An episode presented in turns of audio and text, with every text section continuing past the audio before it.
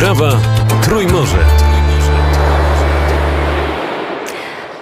Posłuchają Państwo teraz wywiadu, który nagraliśmy w Pradze e, czeskiej. Wywiad przed e, parlamentem czeskim z Pawłem, e, z Pawłem Żaczkiem, który jest przewodniczącym Komisji Obrony, ale też osobą, która przeprowadziła lustrację w Czechach i zajmowała się archiwami KGB, które są na Ukrainie. Posłuchajmy tej rozmowy. Jakie archiwa KGB Czesi, Czechom udało się zdigitalizować na Ukrainie? De facto istniało kilka takich projektów zrealizowanych za pośrednictwem Czeskiego Instytutu Badania Reżimów Totalitarnych. Reżimu. W ich ramach udało nam się zdigitalizować część materiałów, głównie z postępowań śledczych z okresu jeszcze przed II wojną, dotyczących przede wszystkim obywateli Czechosłowacji. E, z doby... E, Wraz z kolegami z Ukrainy również osobiście miałem okazję sam przeprowadzać czy też inicjować digitalizację tych materiałów. E, Dzięki temu uzyskaliśmy wgląd w przebieg niektórych działań, które swoim zakresem obejmowały także Europę Środkową. Nie tylko Czechosłowację, to znaczy Słowację i ziemie czeskie, ale również Polskę, Węgry czy też Rumunię. W planach było nawet objęcie tymi działaniami Jugosławii. Takie do Polska, Niestety nie udało się znaleźć materiałów dotyczących operacji obejmujących swym zakresem Niemcy, ponieważ te operacje prowadzono w innych ekspozyturach NKGB niż Kijów, czy też inne ekspozytury na Ukrainie, z których te materiały pochodzą. Spraw NKGB. Materiały te były niedostępne, zamknięte przez długi czas, zapewne dlatego, że dotyczą one również operacji i pracy agentury kierowanej do Polski i do Czechosłowacji, które nie zakończyły się wraz z końcem II wojny światowej. Znalazłem tam operacje z 1948 roku, a niektóre z materiałów dotyczyły nawet agentów i członków KGB aż do 1991 roku, czyli właściwie do upadku Związku Sowieckiego. Za chwilę do tych archiwów KGB wrócimy, ale muszę opowiedzieć, że jesteśmy e, na e, placu przed parlamentem e, czeskim w takiej miłej w arkadach restauracji i pan poseł zamówił sobie piwo, ja zamówiłem sobie espresso i dalej będziemy rozmawiać o archiwach KGB. Co pan odnalazł? Na co pan zwrócił uwagę? W archiwach KGB znalazłem teczki osób znanych z lekcji historii Czechosłowacji. Byli wśród nich kolaboranci współpracujący z nazistowską administracją okupacyjną, agenci gestapo, komuniści, a wśród nich założyciele późniejszego aparatu bezpieczeństwa, którzy rozpętali spiralę represji. Byli wśród nich także czechosłowaccy generałowie. Dla mnie osobiście, jako dla człowieka, który wcześniej uczestniczył uczestniczył w udostępnianiu archiwów Służby Bezpieczeństwa Czechosłowacji. Było to wielkie przeżycie emocjonalne. Kiedy miałem po raz pierwszy w ręku oryginalne materiały KGB, to było niesamowite przeżycie. Zrozumiałem wówczas, że po pierwsze archiwa te muszą zostać otwarte dla całej Europy Środkowej i Wschodniej. Ponieważ to nie jest tak, że pewne operacje były ukierunkowane na przykład tylko na Czechosłowację. Tam są powiązania. Pewne operacje operacje, których realizację zaplanowano w Polsce, były następnie prowadzone w Czechosłowacji. Zainteresowały nas również materiały dotyczące okupacji w 1968 roku. Są tam interesujące materiały dotyczące na przykład spotkań jeszcze przed okupacją KGB z Czechosłowacką Służbą Bezpieczeństwa Państwowego z ludźmi z partii komunistycznej oraz z agentami działającymi w Czechosłowacji.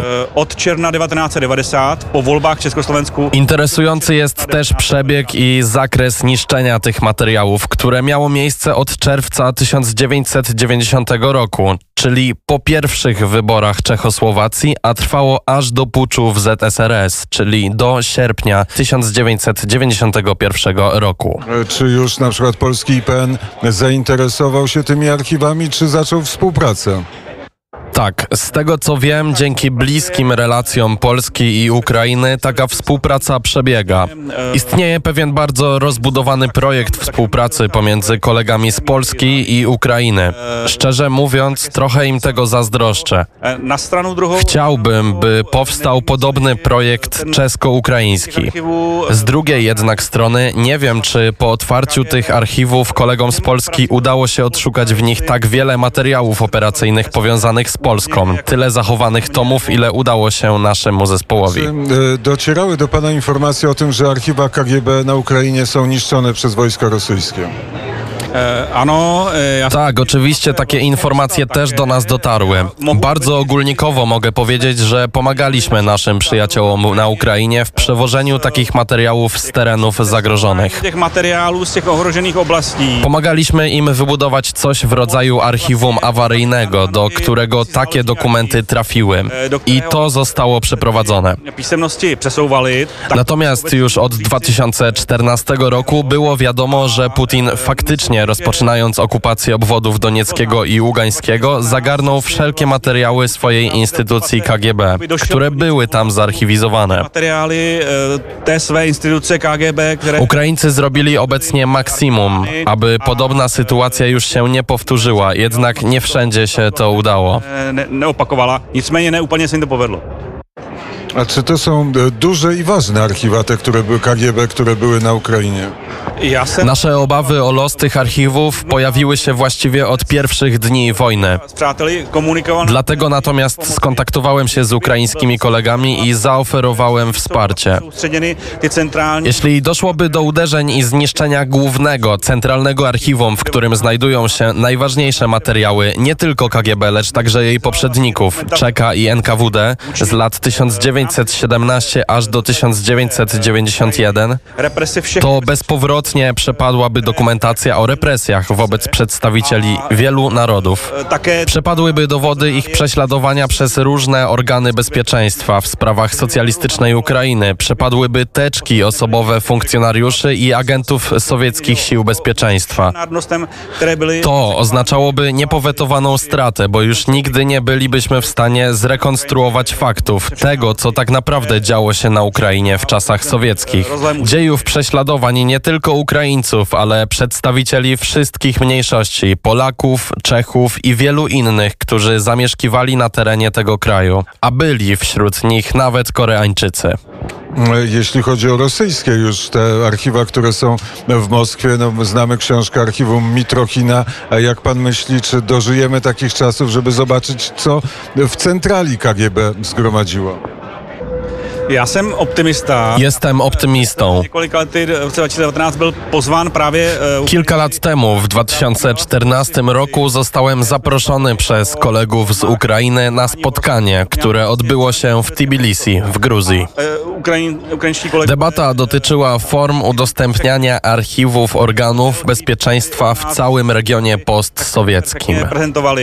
a Ukraińscy koledzy prezentowali wówczas swoje doskonałe doświadczenia w zakresie metod, które przejęli od nas z Europy Środkowej. Zostałem wtedy poproszony jako osoba zaangażowana w to wsparcie o ocenę i radę. Powiedziałem wtedy, spisaliście się świetnie, ale wytyczmy sobie teraz cel na przyszłość, aby jeszcze w naszym życiu doszło do tego samego w Rosji. Uwierzmy w to, że otworzymy centralne archiwa w Moskwie, w stolicy byłego sowieckiego imperium. Ja nadal w to wierzę, pomimo tego, że dziś trwa straszna wojna, a może właśnie dlatego, bo wojna może wstrząsnąć podstawami rosyjskiego reżimu. Tak, że będziemy mieć dostęp do tych rosyjskich archiwów. Teraz jesteśmy przed e, czeskim parlamentem. Za chwilę się e, zaczyna spotkanie komisji. Jakiej komisji i co teraz się dzieje w parlamencie? Za chwilę spotykamy się w Komisji Obrony Narodowej. Dyskusje w komisji dotyczą kwestii związanych ze sprawą Ukrainy i rosyjskiej inwazji przeciw Ukrainie. Rozmawiamy o tym, w jaki sposób pomagać Ukrainie. Dyskutujemy o wzmocnieniu wschodniej flanki NATO i Unii Europejskiej. Konkretnie omawiamy udział czeskich żołnierzy w misjach NATO na terenie Słowacji i krajów bałtyckich. Z tym powiązane jest długoterminowe zadanie, jakim jest modernizacja armii czeskiej we współpracy z naszymi partnerami oraz przemysłem zbrojeniowym. z Czechami. Polska chroni e, słowackiego e, nieba. To jest ta współpraca wojskowa i dobra współpraca wojskowa między Polską a e, Czechami, ale tu w Czechach na placu Wacława była wielka 70-tysięczna demonstracja. Jak to świat polityczny czeski odebrał? K W tej sprawie należy rozróżnić kilka poziomów, a mianowicie pierwszy element to fakt, że w tej demonstracji z pewnością uczestniczyły, czy wręcz, jak to stwierdził premier Peter Fiala, zorganizowały ją kręgi prorosyjskie. Osoby o takich sympatiach oczywiście u nas są. Zresztą mamy z nimi do czynienia także w innych społeczeństwach. To fakt, z którym należy się zmierzyć na poziomie politycznym. Nebyl Z drugiej strony większość osób, które tam się zgromadziły, to ludzie dający wyraz swym obawom o byt materialny. Niezadowoleni, zniecierpliwieni obywatele, którzy w ten sam sposób reagowali na kryzys związany z podwyżkami cen energii. Reakcja rządu na kryzys energetyczny pojawiła się w tym tygodniu. Nie oznacza to jednak prorosyjskich poglądów wszystkich demonstrantów, chociaż faktycznie prym wiodły właśnie takie środowiska.